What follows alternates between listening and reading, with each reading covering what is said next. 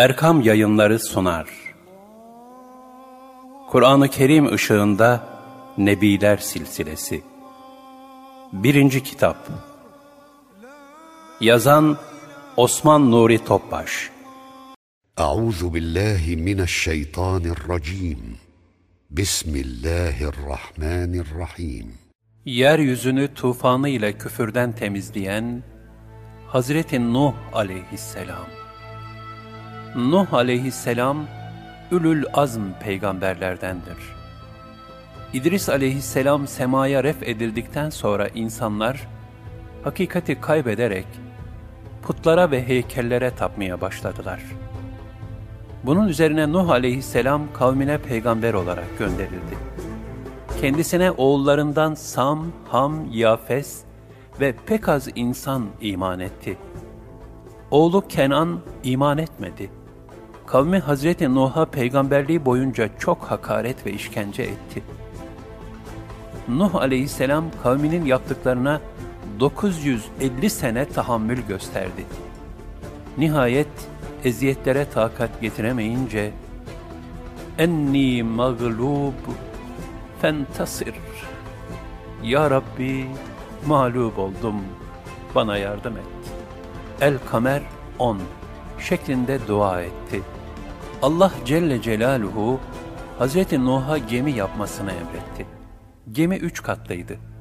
80 mümin gemiye bindi. Her hayvandan da birer çift alındı. Yerden çıkan sular, gökten inen yağmurlarla yeryüzü suyla doldu. Gemi altı ay su üstünde seyretti. Sonra ey yer suyunu yut ve ey gök suyunu tut. Hud 44 emri verildi. Sular çekildi. Gemi Cudi dağına oturdu. İnsanlar Hazreti Nuh'un bu üç oğlundan çoğaldı. Sam'dan Arap ve Fars, Ham'dan Hint, Habeş ve Afrika halkı, Yafes'ten de Asyalılar ve Bering Boğazı'ndan geçtiği tahmin edilen Amerikalıların yerlileri, Kızılderililer çoğalmıştır. Hz. Nuh bin sene yaşamıştır. Onun esas isminin Yeşkur, Sakin veya Abdülgaffar olduğu bildirilir. Lakabı Neciyullah, Allah'ın sırdaşı ve Şeyhül Enbiya'dır. İdris aleyhisselam semaya ref olduktan sonra kendisine tabi olanlardan Ved, Süva, Yegus, Yeuk ve Nesr dini yaşayıp tebliğ ettiler. Hepsi vefat edince onları hatırlamak için münafıkların teşvikiyle heykelleri yapıldı. Halk putperestliğe döndü. Bu heykellerde ilahi kudret olduğuna inandılar. Yalnız Küfe tarafında putperest olmayıp tevhid inancını devam ettiren bir kavim vardı. Nuh aleyhisselam da bu kavimdendi. Nuh aleyhisselam kavminde çobanlık, zaman zaman da ticaret yapıyordu. Kavminin başında Kabil soyundan Dermesil isimli zalim bir kişi bulunmaktaydı. Her kabilenin ayrı bir putu mevcuttu. Her putun da bir hizmetkarı vardı. Hz. Nuh aleyhisselam bunları gülünç bulurdu. Ahlaksızlık ve putperestlik had safhaya gelmişti. Kavminin özellikleri. 1. Putperesttiler. Bir de şöyle dediler. Sakın ilahlarınızı bırakmayın. Hele Veddi, Süva'ı, Yegus'u, Yeuk'u ve Nesri asla bırakmayın. Nuh 23 Ved erkek, Suva kadın, Yegus aslan, Yeuk at, Nesr kartal şeklindeydi. Putlar ve putçular, insanlık tarihinde insanları daima hak yolundan sapıklığa götürdüler. Saygı ve hatıra için yapılan heykeller, zamanla kendilerine tapılan putlar haline getirildiler. Allah'ı şekillendirmeye antropomorfist akide denir. Tevhid dinleri ise insanları mücerrede götürür. Maddenin çok daha ötesindeki manevi hakikatleri kavratmaya çalışır. Fakat beşer zihni bundan evvel Allah'ı şekillendirmek isteyip, onu kendi boyutları içinde tasavvur etmek ister. Bu ise kendisini putçuluğa sevk eder. İnsandaki bu meyli en güzel şekilde tasfiye eden İslamsa, dimağı Allah'ı şekillendirmekten uzaklaştırmak için resim ve heykeli yasaklamıştır. Diğer taraftan resim ve heykel hayal gücünü tahdit eder. Yani bu men edişin ana sebebi mücerredi müşahhas hale getirip taabbüde yönelme dalaletinden kulları muhafaza etmektir. Allah Celle Celaluhu yaratılmış olan hiçbir varlığa benzemediği, muhalefetül lil havadis sıfatına sahip olduğu için bütün boyut, buğut, şekil ve insan tasavvurunun ötesindedir. Şeyh Şibli Hazretleri buyururlar. Onu düşüncelerinizde kavrayıp akıllarınızda tam bir şekilde anladığınızı sandığınızda bu düşünceler size iade edilir. Çünkü bu tür düşünceler sizin uydurduğunuz ve sizin gibi sonradan olma muhdes ve masnu şeylerdir.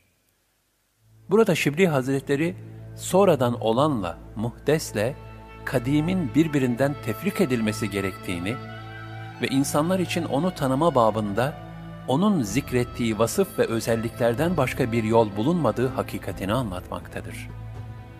Böyle olunca onu müşahhaslaştırmaya çalışmak elbette insanı çok hazin ve süfli neticelere sürükler. Bu sebeple kabir ziyaretlerindeki ifratlar da putçuluğa götürdüğü için Hz. Peygamber sallallahu aleyhi ve sellem önceleri bu ziyaretleri yasaklamış, ancak tevhid inancının iyice yerleşmesinden sonra şöylece müsaade buyurmuşlardır. Ben sizi bazı sebeplerden dolayı kabir ziyaretinden men etmiştim. Bundan böyle kabirleri ziyarete dikkat ediniz. Zira kabirleri ziyaret size ahireti hatırlatır. O halde kabir ziyaretleri ölümün hatırlanması, mevtaya bir hediye gönderilmesi, yani Kur'an-ı Kerim okunması ve ahiretin tefekkürü için tavsiye edilmiştir. Manevi büyüklerin kabirleri yanında yapılan dua ve istekler de onların hürmetine Cenab-ı Hak'tan olmalıdır. Çünkü kuldan istenmesi kulları şirke götürür. Nitekim Nuh aleyhisselamın kavminde de bu böyle olmuştu. Akıl muhdestir, sonradan yaratılmıştır. Cenab-ı Hakk'ı bu muhdes varlıkla idrak etmek mümkün değildir. Musa aleyhisselam, Cenab-ı Hak'la konuşunca büyük bir lezzet duydu. Bu iştiyakla Cenab-ı Hakk'ı görmeyi arzuladı ve bunda ısrar etti. Cenab-ı Hak da, şu dağa bak, o dağ yerinde kalabilirse, sen de beni görebilirsin buyurdu.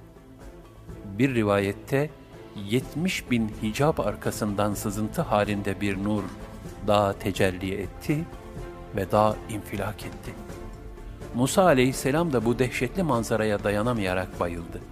Cenab-ı Hak bu hakikati Araf suresinin 143. ayetinde şöyle bildirmektedir. Musa, tayin ettiğimiz vakitte Tur'a gelip de, Rabbi onunla konuşunca, Rabbim bana kendini göster, seni göreyim dedi. Rabbi, sen beni asla göremezsin. Fakat şu dağa bak, eğer o yerinde durabilirse, sen de beni göreceksin buyurdu. Rabbi o dağa tecelli edince onu paramparça etti.'' Musa da baygın düştü. Ayılınca dedi ki, seni noksan sıfatlardan tenzih ederim. Sana tevbe ettim, ben inananların ilkiyim. Cenab-ı Hakk'ı müşahede etmek, derecesine göre ancak cennet ehlinin bir kısmına nasip olacaktır. 2. Nuh aleyhisselamın kavmi zalimdiler. Onlar çok zalim, çok azgın kişilerin ta kendileriydi. En-Necm 52 3. Fasıktılar. Onlar fasık, günahkar, yoldan çıkmış bir milletti. Ez-Zariyat 46 4. Kötüydüler. Gerçekten onlar kötü bir milletti. El-Enbiya 77 5. Vicdansızdılar. Onlar kalp gözleri, vicdanları körelmiş bir güruhtular.'' El-Araf 64 Bunun için Allah Celle Celaluhu, Hazreti Nuh'u kavmine peygamber olarak gönderdi. Kendilerine can yakıcı bir azap gelmezden önce onları uyar diye Nuh'u milletine gönderdik. Nuh 1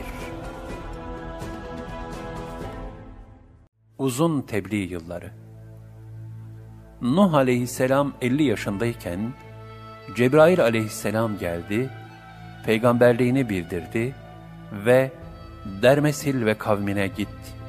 Onlara tevhid inancını tebliğ et dedi. Hazreti Nuh, ömrünün sonuna kadar tevhid inancını tebliğe söz misak verdi. Kur'an-ı Kerim'de buyurulur. Hani biz peygamberlerden söz almıştık. Senden, Nuh'tan, İbrahim'den, Musa'dan ve Meryem oğlu İsa'dan da, evet biz onlardan pek sağlam bir söz aldık. El-Ahzab 7 Andolsun biz Nuh'u kavmine elçi gönderdik. Nuh onlara, ben sizin için apaçık bir uyarıcıyım. Hud 25 Allah'tan başkasına tapmayın. Ben size gelecek elem verici bir günün azabından korkuyorum dedi.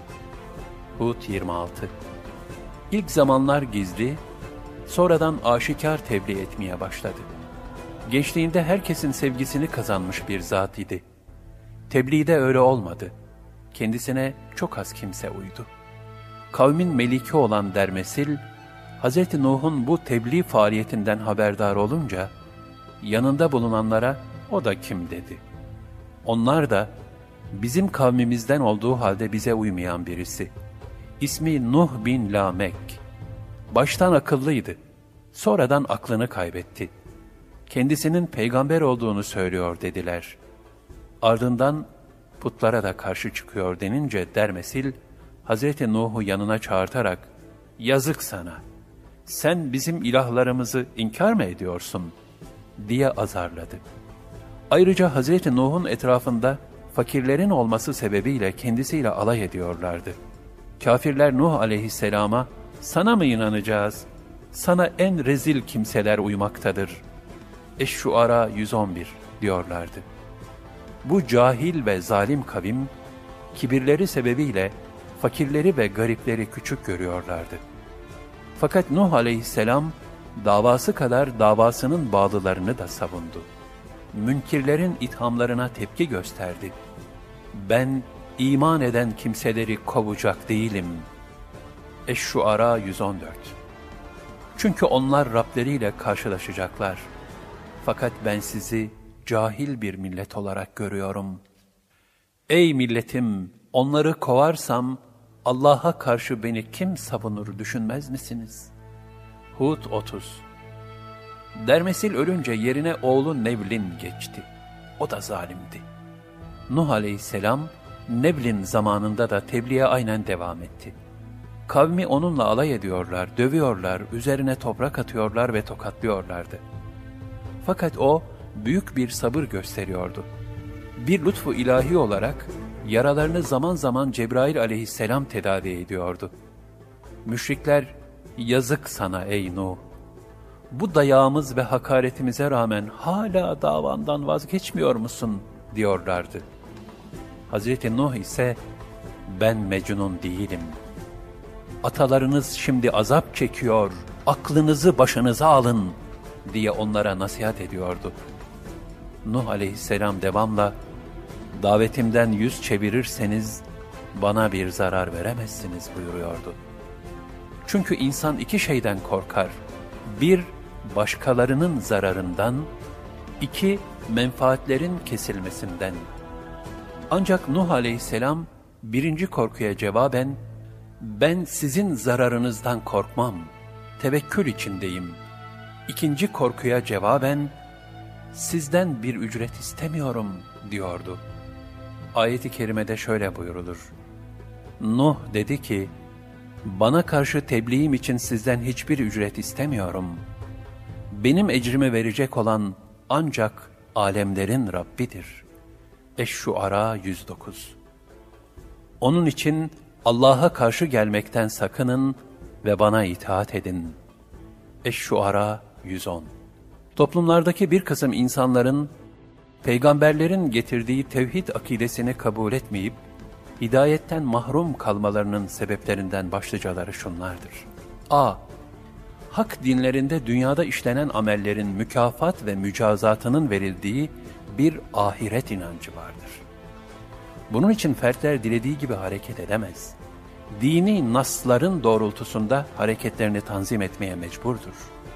Nitekim İslam'ın zuhuru ile putperestlerde ilk başlayan endişe ahiret haberi olmuştur. Büyük haber dediler. Şiddetli bir rahatsızlık duydular. Kur'an-ı Kerim bu rahatsızlığı şu şekilde ifade eder.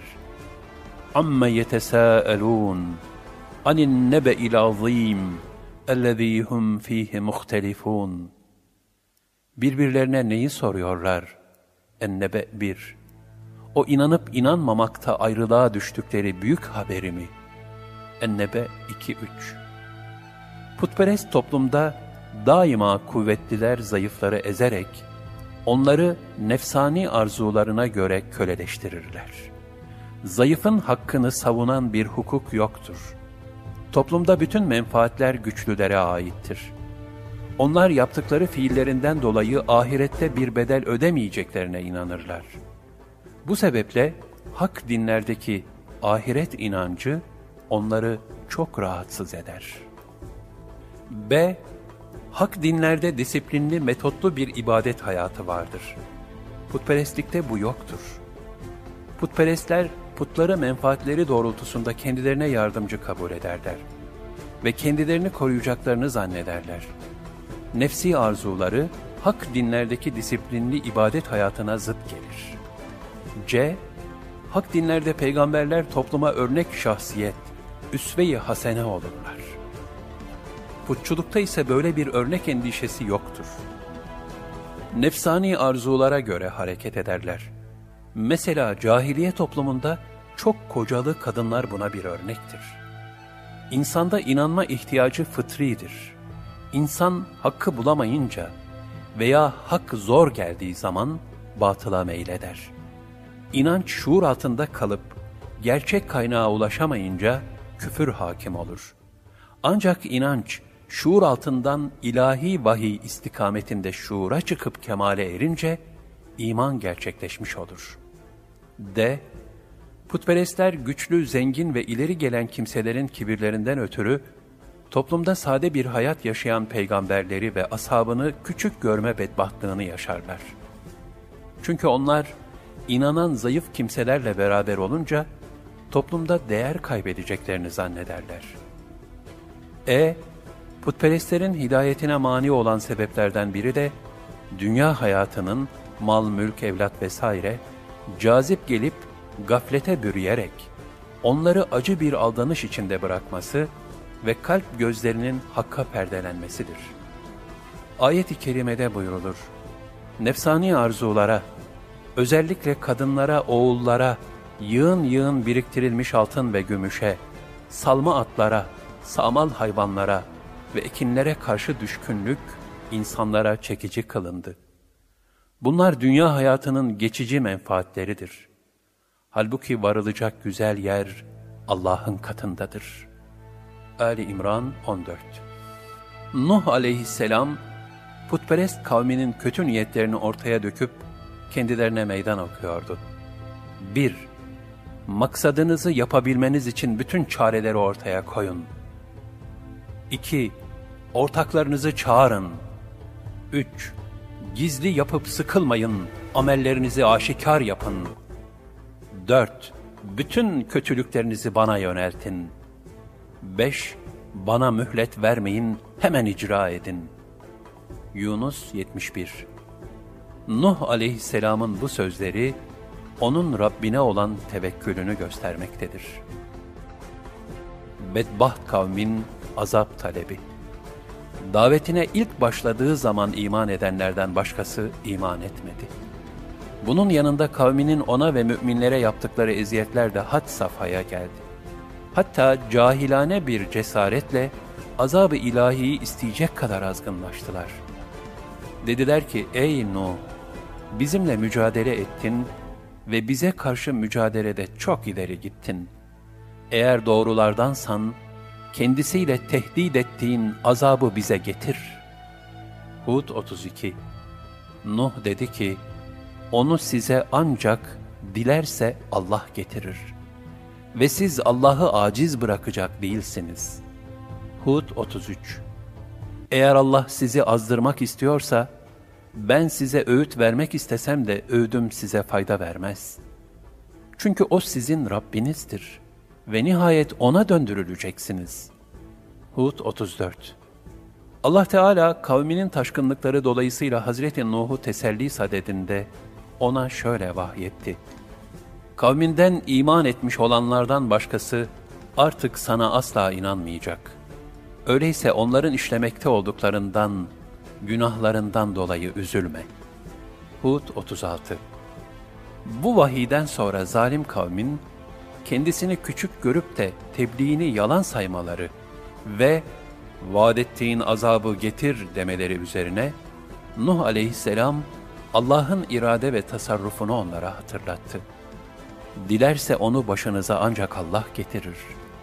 Siz onu aciz bırakamazsınız. Allah sizi azdırmak isterse, ben size öğüt vermek istesem de faydası olmaz. O sizin Rabbinizdir. Ona döneceksiniz. Hud 33-34 Nihayet azab-ı ilahinin ilk başlangıç haberi olarak, Cenab-ı Hak bu bir türlü uslanmayan azgın kavmi 40 sene yağmursuz bıraktı. Hayvanları telef oldu. Çocukları doğmadı. Çaresiz kalarak Hazreti Nuh'a müracaat ettiler. O da, şirkten dönün, sizin için dua edeyim buyurdu. Sonra Nuh, Cenab-ı Hakk'a şu şekilde iltica etti. Ya Rabbi, ben kavmime dedim ki, Rabbinizden mağfiret dileyin, çünkü O çok bağışlayıcıdır. Nuh 10 Mağfiret dileyin ki, üzerinize gökten bol bol yağmur indirsin. Nuh 11 Mallarınızı ve oğullarınızı çoğaltsın. Size bahçeler ihsan etsin. Sizin için ırmaklar akıtsın. Nuh 12 Mukatil bin Süleyman radıyallahu anh buyurur. Bu ayetlerden sonra yağmur dualarında istiğfar okumak meşhur oldu. Abdullah İbni Abbas radıyallahu anhuma'dan bir kimse çok istiğfar ederse Allah Celle Celaluhu onu her gamdan korur. Her darlıktan ona çıkış nasip eder. Onu hiç ummadığı yerden rızıklandırır. Nuh aleyhisselam kavmini ikaz ve nasihate şöyle devam etti. Size ne oluyor ki Allah'a büyüklüğü yakıştıramıyorsunuz. Nuh 13 Oysa sizi türlü merhalelerden geçirerek O yaratmıştır. Nuh 14 Görmediniz mi Allah yedi kat göğü birbiriyle ahenktar olarak nasıl yaratmış? Nuh 15 Onların içinde ayı bir nur kılmış, güneşi de bir çera yapmıştır. Nuh 16 Allah sizi de yerden ot bitirir gibi bitirmiştir.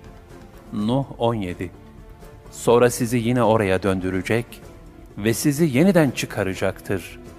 Nuh 18 Allah onda geniş yollar edinip dolaşabilesiniz diye yeryüzünü sizin için bir sergi yapmıştır. Nuh 19-20 Ancak bu ahmak putperest kavim, hikmet dolu nasihatlere kulak asmadılar. Böylece öğütlerin fayda vermemesi üzerine Nuh, Rabbim dedi, doğrusu bunlar bana karşı geldiler de, malı ve çocuğu kendi ziyanını artırmaktan başka işe yaramayan kimseye uydular. Nuh 21 Bunlar da büyük hileler, büyük desiseler kurdular. Nuh 22 Rabbim, onlar birbirlerine dediler ki, sakın ilahlarınızı bırakmayın. Hele Ved'den, Süva'dan, Yegus'tan, Yeuk'ten ve Nesir'den asla vazgeçmeyin. Nuh 23 Böylece onlar gerçekten birçoklarını saptırdılar. Rabbim, sen de bu zalimlerin ancak şaşkınlıklarını artır.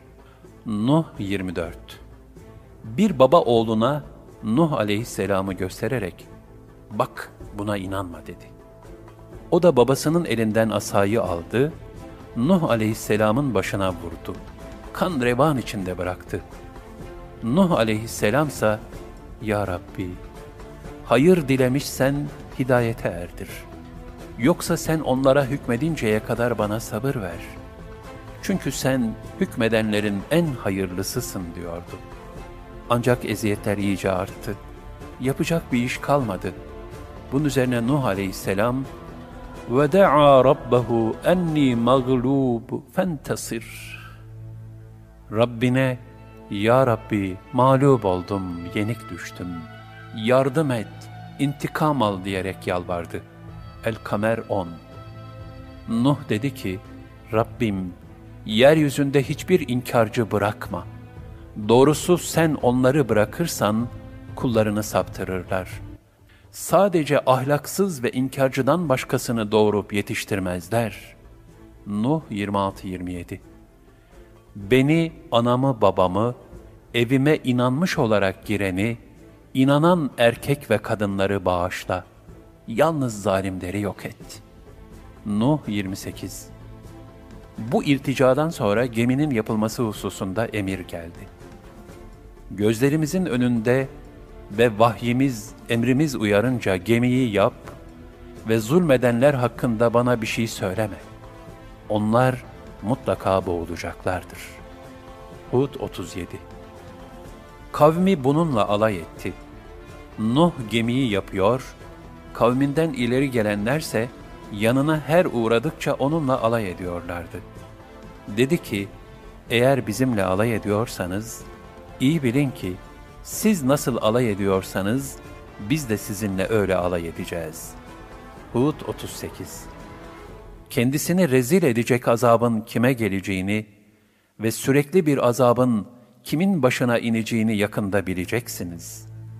Hud 39 Gece gelip gemiyi yakmak istiyorlar, yakamayınca bu senin sihirindir diyorlardı. Gemiyi kirletiyorlardı. Ancak uyuz oldular. Tedavi için kendi pisliklerini yüzlerine sürmeye mecbur kaldılar. Cenab-ı Hak onları bu alametlerle ikaz ettiği halde intibaha gelmiyor, uyanmıyorlardı. اللهم عافني في بدني اللهم عافني في سمعي اللهم عافني في بصري لا إله إلا أنت. اللهم عافني في بدني اللهم عافني في سمعي. اللهم عافني في بصري لا إله إلا أنت. اللهم عافني في بدني اللهم عافني في سمعي. اللهم عافني في بصري لا إله إلا أنت. اللهم عافني في بدني اللهم عافني في سمعي. اللهم عافني في بصري. لا إله إلا أنت. اللهم عافني في بدني. اللهم عافني في سمعي. اللهم عافني في بصري. لا إله إلا أنت.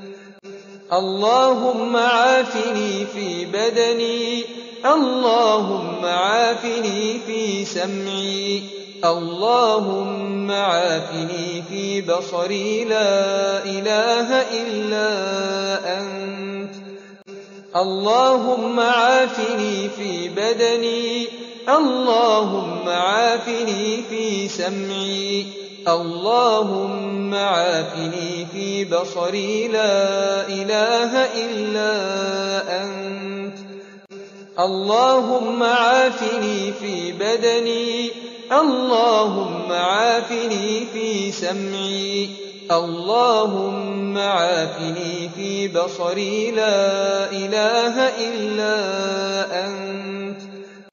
اللهم عافني في بدني اللهم عافني في سمعي. اللهم عافني في بصري. لا إله إلا أنت. اللهم عافني في بدني. اللهم عافني في سمعي. اللهم عافني في بصري. لا إله إلا أنت. Gelen azap, tufan. Geminin sert ağaçtan yapıldığı, iki veya dört senede tamamlandığı, üç katlı olduğu ve ateş yanarak buharla çalıştığına dair rivayet vardır. Hayvanlar gemiye alındı. İbni Abbas radıyallahu anhümadan rivayete göre insanlardan da 80 kişi bindi. Ayet-i kerimede buyurulur. Nihayet emrimiz gelip de sular coşup yükselmeye, yani tufan başlayınca Nuh'a, her şeyden iki çifti ve aleyhlerinde hüküm verdiklerimiz hariç olmak üzere aileni ve iman edenleri gemiye yükle dedik. Zaten onunla beraber iman eden pek azdı. Hud 40 Ayette geçen tennur kelimesi, lügatte fırın demektir. Başka manalara da gelir.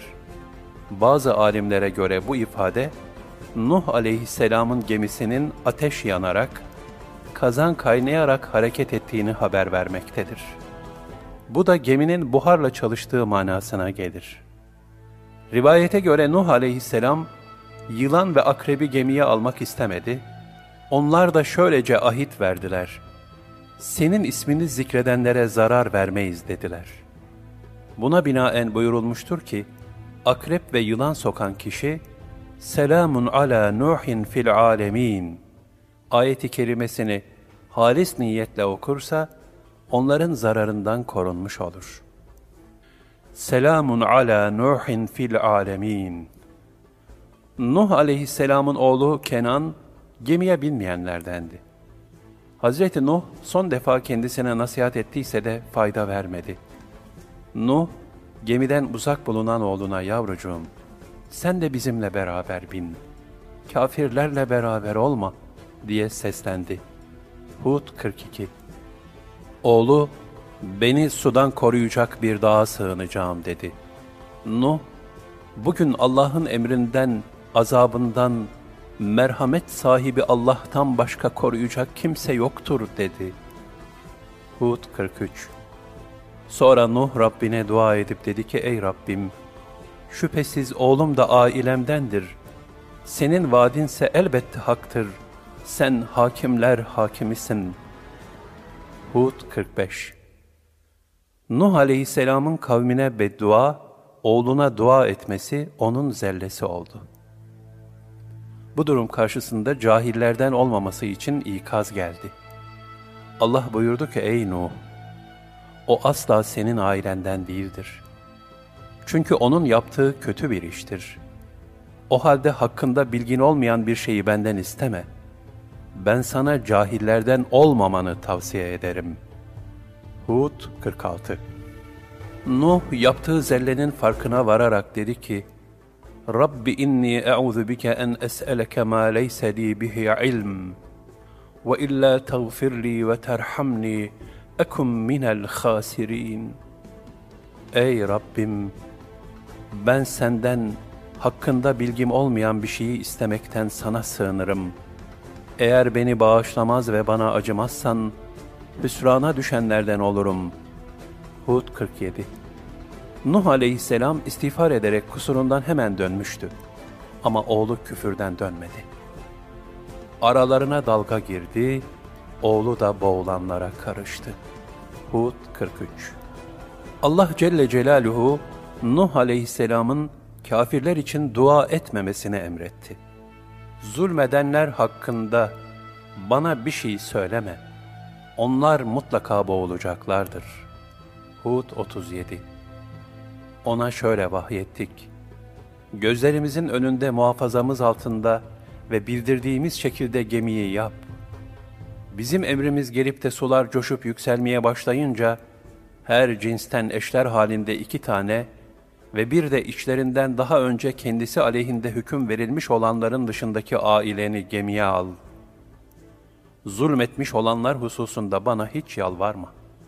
Zira onlar kesinlikle boğulacaklardır. El-Mu'minun 27 Bu vahyimizden sonra vaadimiz üzere biz, derhal nehir gibi devamlı akan bir su ile göğün kapılarını açtık. El-Kamer 11 Yeryüzünde kaynaklar fışkırttık. Her iki su belirtilen bir ölçüye göre birleşti. El-Kamer 12 Yalnız Hazreti Nuh, ona iman edenler ve gemiye alınan mahlukat, emniyeti ilahiyeye mazhardı. Binmiş oldukları sefine dağlar gibi dalgalar arasında yürüyordu. Allah Teala buyurur, Gemi dağlar gibi dalgalar arasında onları götürüyordu. Hud 42 İnkar edilmiş olana, Nuh'a bir mükafat olmak üzere gemi, gözlerimizin önünde akıp gidiyordu. El-Kamer 14 Andolsun ki onu bir ibret olarak bıraktık. İbret alan yok mudur? El-Kamer 15 Ey insanlar bakın benim azabım ve uyarılarım nasılmış.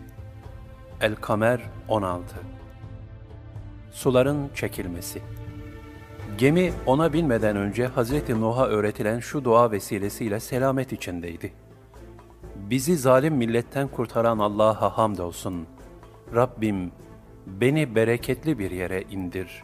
Sen indirenlerin en hayırlısısın. El-Mu'minun 28-29 Rivayete göre tufan Recep'in birinde başladı, altı ay devam etti. Sonra Allah Teala yere ve göğe emretti. Ya ardu bla'i ma'aka ve ya sema'u akli'i Ey yer suyunu yut ve ey sema suyunu tut.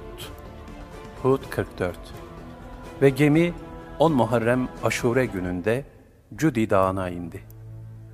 Sonra Cenab-ı Hak Nuh Aleyhisselam'a buyurdu ki, Ey Nuh! Sana ve seninle beraber olan ümmetlere bizden selam ve bereketlerle gemiden in.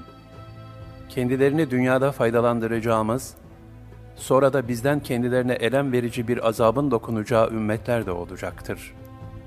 Hud 48 Hz. Nuh aleyhisselam ve müminler necat bulmuşlardı. Biz Nuh'u ve beraberindekileri dolu bir gemi içinde taşıyarak kurtardık. Eş-Şuara 119 Onları ötekilerin yerine geçirdik, halifeler yaptık. Ayetlerimizi yalanlayanları da denizde boğduk. Bak ki uyarılanların fakat inanmayanların sonu nasıl oldu? Yunus 73 Dünyada felaket, ahirette acıklı azap. Cenab-ı Hak, zalimlerin akıbetini ayeti kelimelerde şu şekilde bildirir. Biz de ayetlerimizi yalanlamaları ve onlardan gafil kalmaları sebebiyle kendilerinden intikam aldık ve onları denizde boğduk.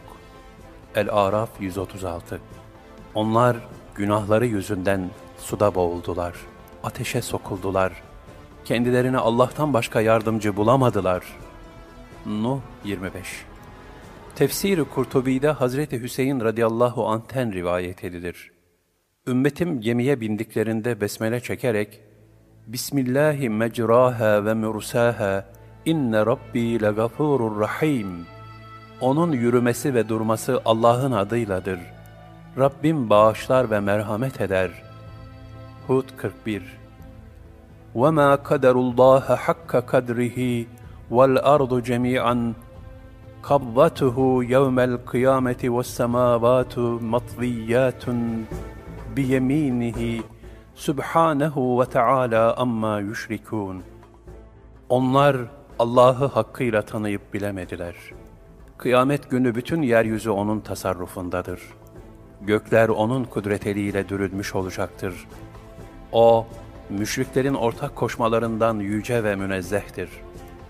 Ez-Zümer 67 ayetlerini okurlarsa boğulmaktan emin olurlar. Her yolculuğa çıkan kimselere tehlikelerden muhafaza bakımından bu ayetlerin okunması tavsiye edilir.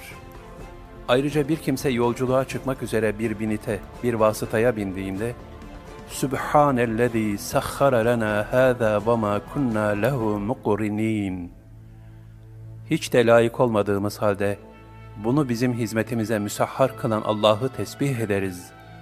Onun şanı ne yücedir. Onun lütfu olmasaydı yoksa biz buna güç yetiremezdik.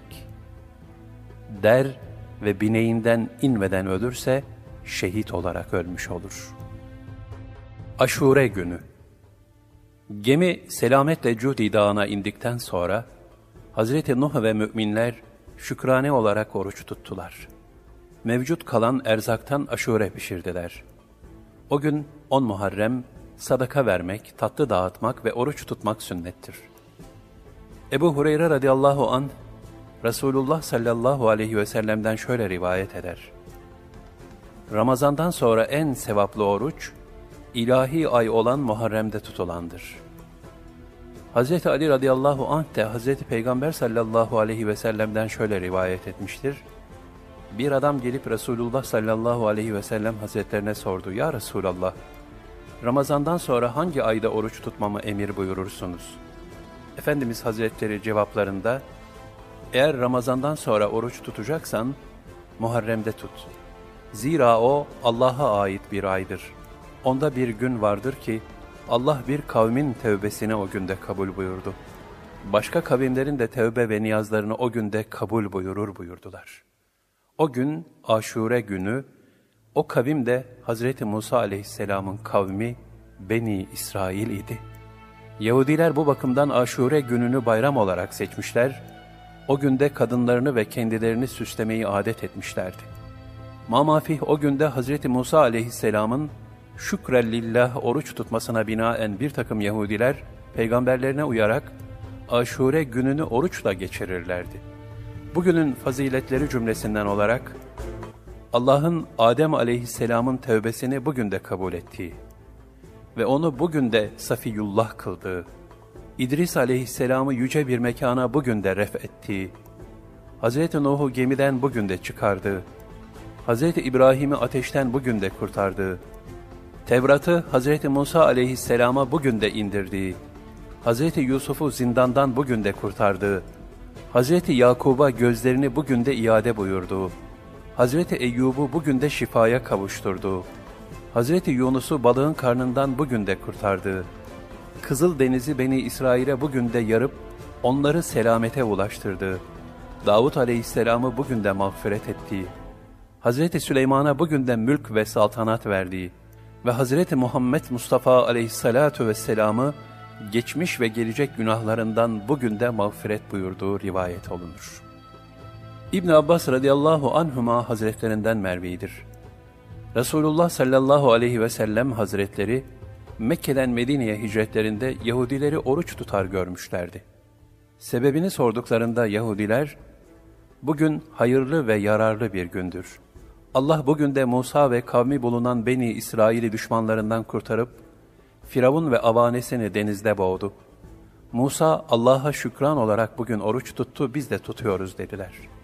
Bunun üzerine Efendimiz Hazretleri, biz Musa'ya uyma hususunda sizden daha yakın ve layığız. Zira hak dinin esaslarında ayrılığımız yoktur ve ona da getirdiklerine de inanıyoruz buyurdular. Sonra da başta kendileri olarak müminlerle beraber aşure gününü oruçla geçirdiler. Bir başka hadisi şerifte de Yahudilere benzememek için bu orucun Muharrem'in ya 9 ve 10. günü ya da 10 ve 11. günü olmak üzere en az iki gün olarak tutulması emredilmiştir.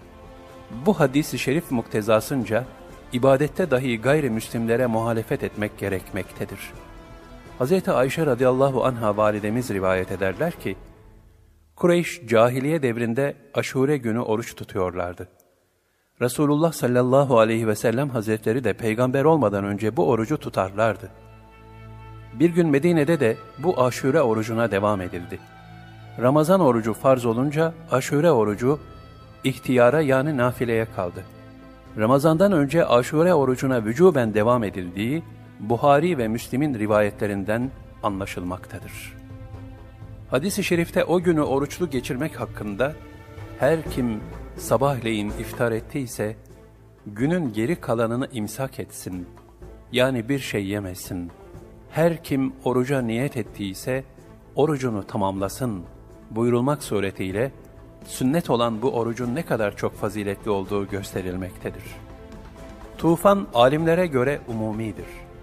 Yeryüzünün her tarafını su kaplamıştır Mirat-ı Kainat kitabında deniliyor ki, gemi oturunca 80 kişi Medinetüs Semanin şehrini kurdular. Bu şehre Suki Semanin de denmektedir. İnsanlığın ikinci çoğalması işte bu 80 kişiden olmuştur. Nuh aleyhisselamın büyük oğlu Sam, zeki, akil ve salih bir zat idi. Babasından sonra o vekil oldu. Hz. Nuh'un hayırlı dualarına mazhar oldu. Salih insanlar da ekseriyetle onun neslinden gelmiştir. Diğer oğlu Ham'dan Hint, Habeş ve Afrikalılar, Yafes'ten Rus, Slav ve Türk soylarının çoğaldığı tahmin edilmektedir. Fakat zaman geçince dini nasihatler yine unutuldu. İnsanlar yıldızlara, güneşe ve heykellere tapar oldular. Müfessir Fahrettin Errazi'ye göre, Kur'an-ı Kerim'de Nuh aleyhisselamın kavminin içinde 950 sene çileli ve eziyetli bir halde bulunduğunun bildirilmesinden maksat, Nuh'un hayatının bu safhasını bildirmek, Resulullah sallallahu aleyhi ve sellemi teselli içindi demiştir. Çünkü Nuh aleyhisselam, binbir çile ve ızdıraba uzun müddet katlanıp sabretmişti. Bunun içindir ki o, bu haliyle ümmete mükemmel bir örnektir. Nuh aleyhisselamın zelleleri 1. Kelp Hz. Nuh aleyhisselam, hastalıklı, cerahatli bir köpek görmüş ve yüzünü çevirmişti. Bunun üzerine, ''Ey Nuh, köpeği ben yarattım, beni mi ayıpladın?'' hitabına düçar oldu. 2. Kavmine beddua, oğluna dua etmesi. Bu zellelerinden dolayı Nuh aleyhisselam çok ağlayıp gözyaşı döktüğü için kendisine Nuh denildi. Bunun içindir ki Yaradan'dan ötürü bütün yaratılanlara ayırt etmeden şefkat ve merhametle itina gösterilmesi icap eder. Nuh kavminin helak sebeplerinin başlıcaları 1. Küfür içindeydiler. 2. Putlara tapıyor ve şirki teşvik ediyorlardı.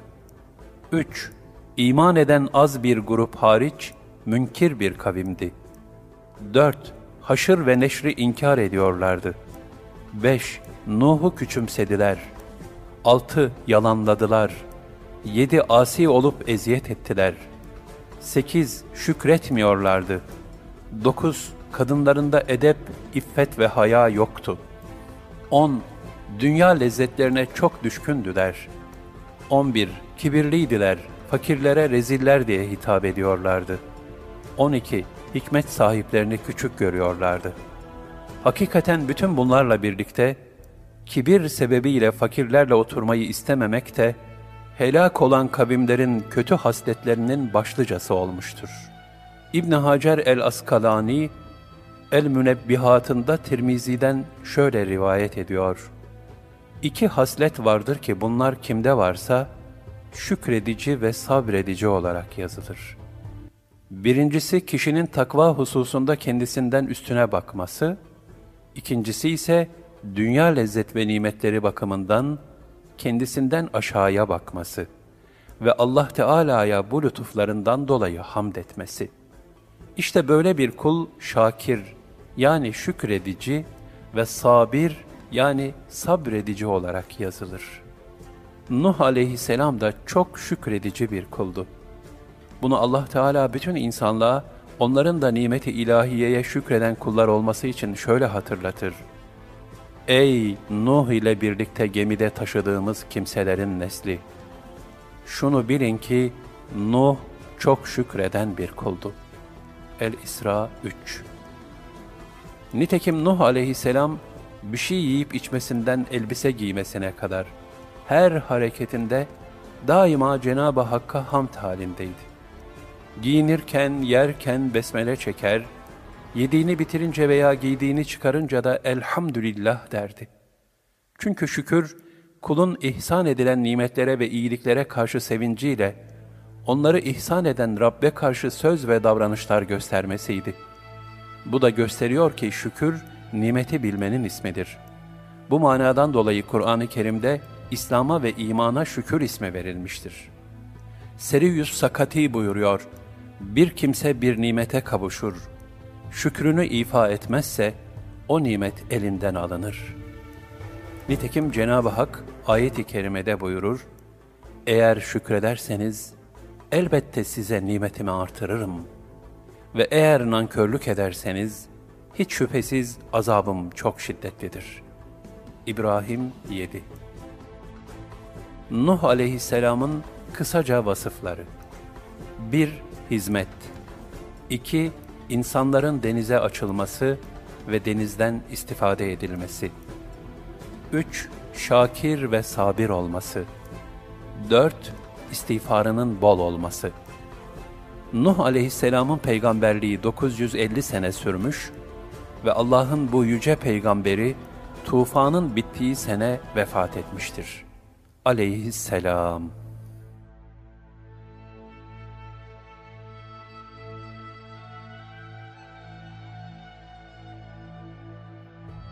Sabır Sabır lügatte tutmak, dayanmak, sebat etmek, göğüs germek gibi manalara gelir.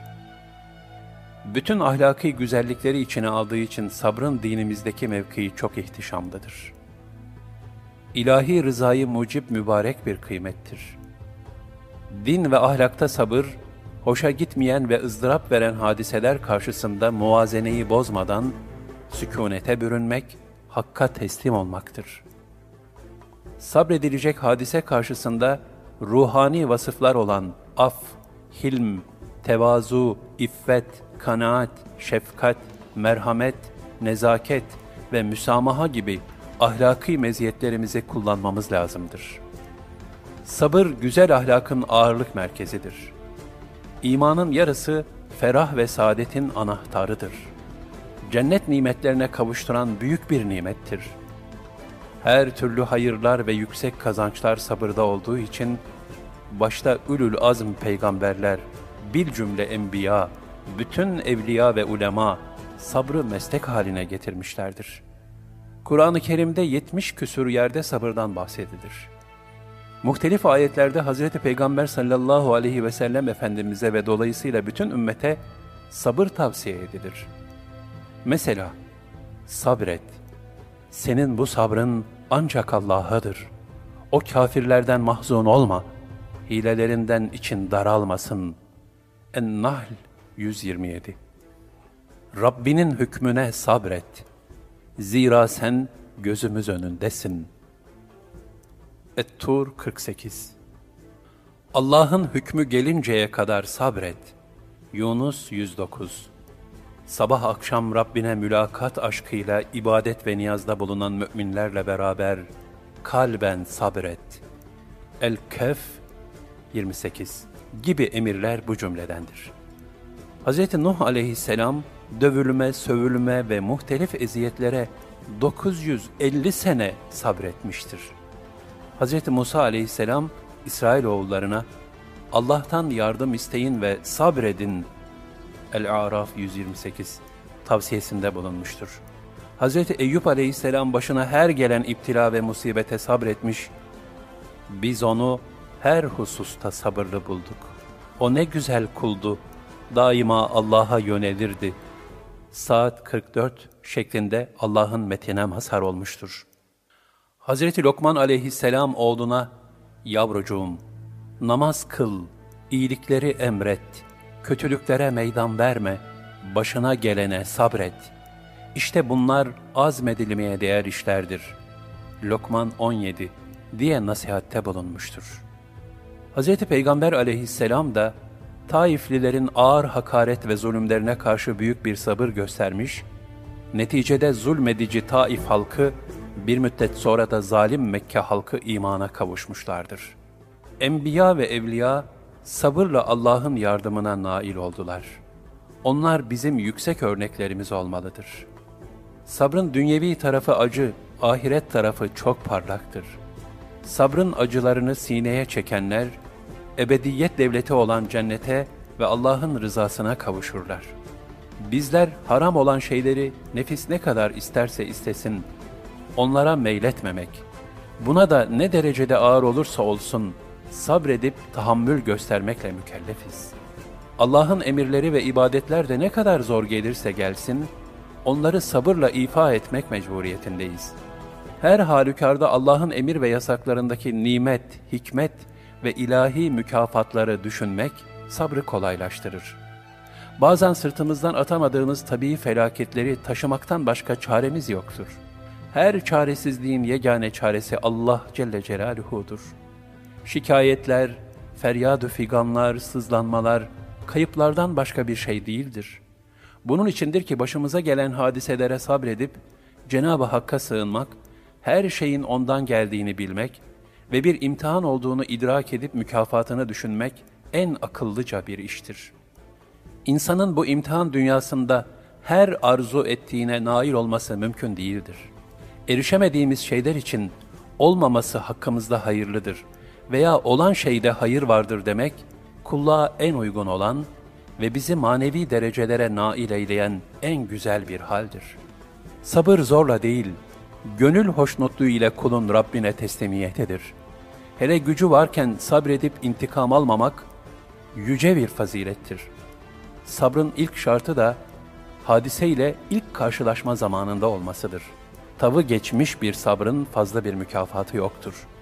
Bu itibarla evladını veya yakınını kaybetmiş kimsenin ilk andaki sabır ve teslimiyeti mühimdir. Hadis-i şerifte sabır belanın ilk darbesi karşısında gösterilebilendir buyuruluyor. Cenab-ı Hakk'ın esmasından biri de Es-Sabur'dur. Yani Cenab-ı Hak kullarına mühlet verir ve bu zaman içerisinde kendisine nankörlük edenlere dahi rızık vererek sabreder. Eğer Rabbimiz dünyada mücrimlerden hemen intikam almak dileseydi kainat ne olurdu bir düşünmeli. Sabur ismi şerifinin en güzel tecelli merkezi peygamberler ve evliyaullah'tır. Nitekim onlardan bizlere intikal eden en güzel ahlak-ı seniyeden biri olarak, varlık ve darlık zamanlarında sabır çok mühimdir.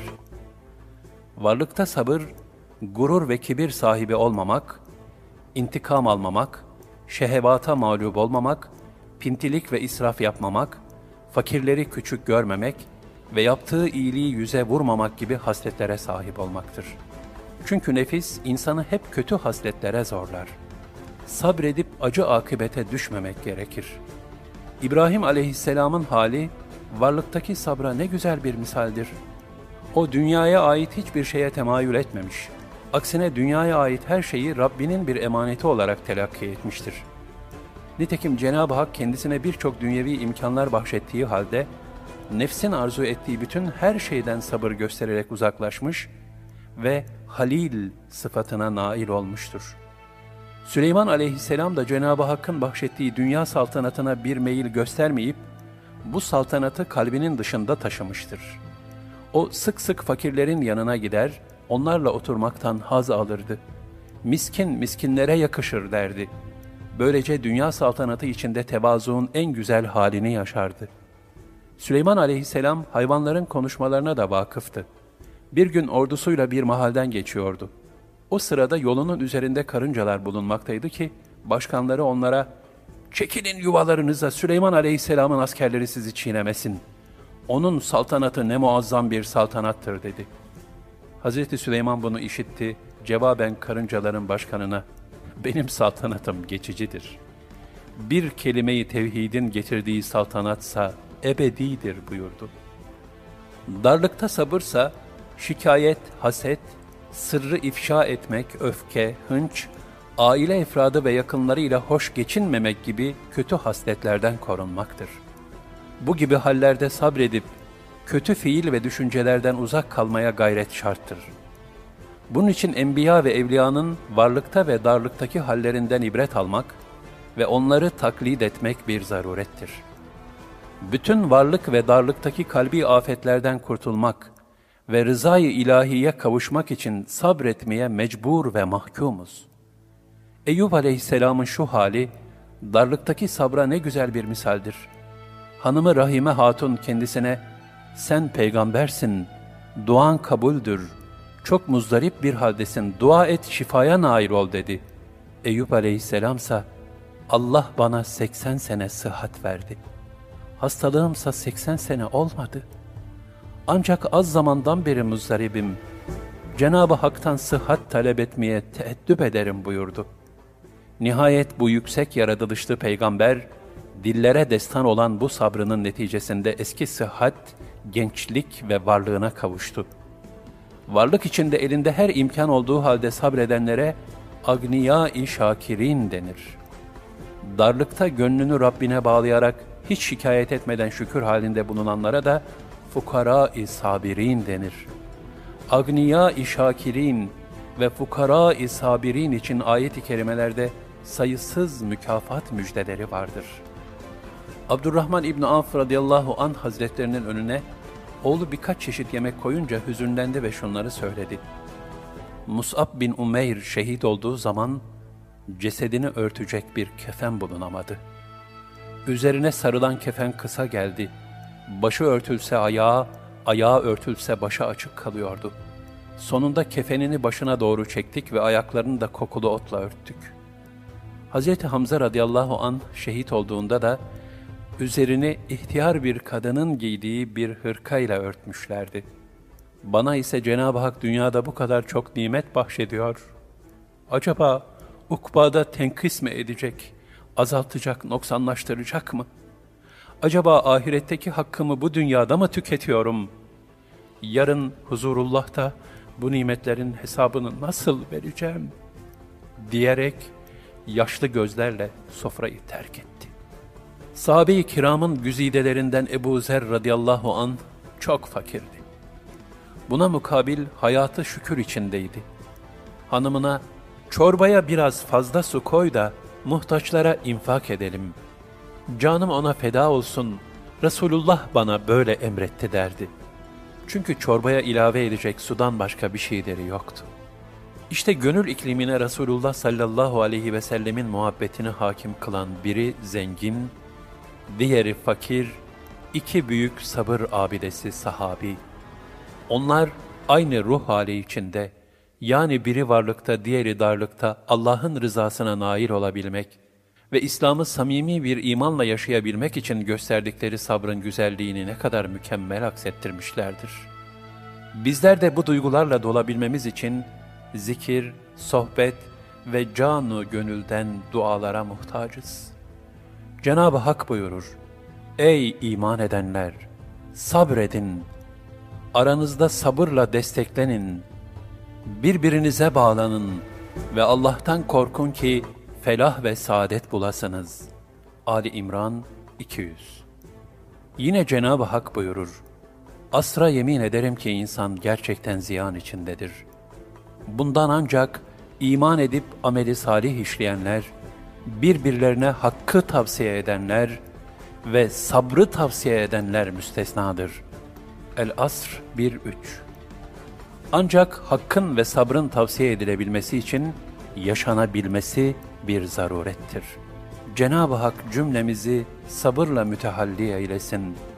Cümle enbiya ve evliyanın sabır ve sadır genişliğinden bize hisse nasip eyleyip, takatimiz üzerindeki imtihanlardan muhafaza eylesin. Amin.